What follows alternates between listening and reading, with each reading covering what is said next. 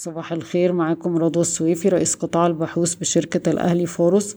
رفع الاحتياطي الفيدرالي أسعار الفايدة بمقدار 75 نقطة أساس وبالتالي إجمالي الرفع في الولايات المتحدة منذ بداية 2022 3% أما بالنسبة لمصر تجتمع لجنة السياسة النقدية اليوم وسط توقعات عريضة برفع أسعار الفايدة في حدود 200 نقطة أساس. ولكن إحنا كأهلي فارس عندنا أمل أن يتم الحفاظ على معدلات الفايدة مستقرة.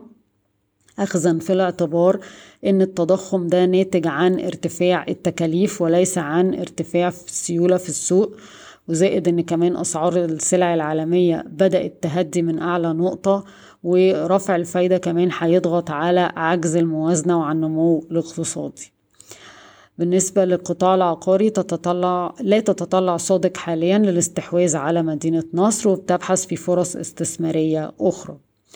شركة مصر الجديدة عليها مجموعة أخبار تخطط لاستثمار 297 مليون جنيه في النص التاني من 22 و 403 مليون جنيه في 23 تتوقع إيرادات 328 مليون جنيه في النصف التاني من 22 و 872 مليون جنيه في 23 الشركة بتستعد لترسية عقد البناء لإنشاء المرحلة الأولى من هليوبوليس الجديدة وهتعتمد على التمويل الذاتي دون الاعتماد على تمويل مصرفي أو غير مصرفي.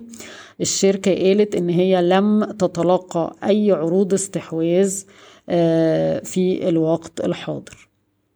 طيب مدينة نصر برضو عليها مجموعة أخبار أطلقت وحدات في إلكت وكندا اللي هي مراحل في مشروع تاش سيتي من خلال معرض سيتي سكيب بتقدم خطط سداد تصل لثمان سنوات. الشركة بتدرس فرص الاستثمار في الساحل الشمالي وبتخطط لإصدار توريق هذا العام وتهدف إلى ترسية عقود بناء بقيمة 3 مليار جنيه مصري في عام 2022 ورفعت أسعار البيع السنة دي بخمسة لسبعة في المية.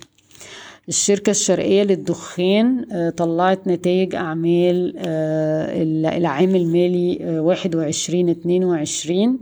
صافي أرباح السنة مجملة حوالي أربعة مليار جنيه مقارنة بأربعة وتلاتة من عشرة مليار جنيه العام الماضي بانخفاض ستة في المية. نتيجة لأن الربع الرابع لوحده سجل خساير 222 مليون جنيه والشركة قالت إن ده نتيجة مصاريف تسويات ضريبية وده مصروف غير مكرر بس لم يتم الإفصاح عن التفاصيل أو قيمة التسوية الضريبية دي. كمان بفكركم إن نتائج الأعمال السنة دي كان المفروض فيها واحد واتنين من عشرة مليار جنيه عشان صندوق المعيش المبكر للعاملين. الشركة الشرقية للدخان بيتم تداول السهم عند مضاعف ربحية خمس مرات لعام 22 23 برضو كان في بيان إن الشرقية للدخان رفعت أسعار على اتنين من ال brands بتوعها ال high end اللي تصل العلبة لواحد وتلاتين جنيه مصري اعتبارا من أمس. نفذت Expedition Investment الاستحواذ على 32.9 من عشرة في المية من دومتي مقابل 511 مليون جنيه.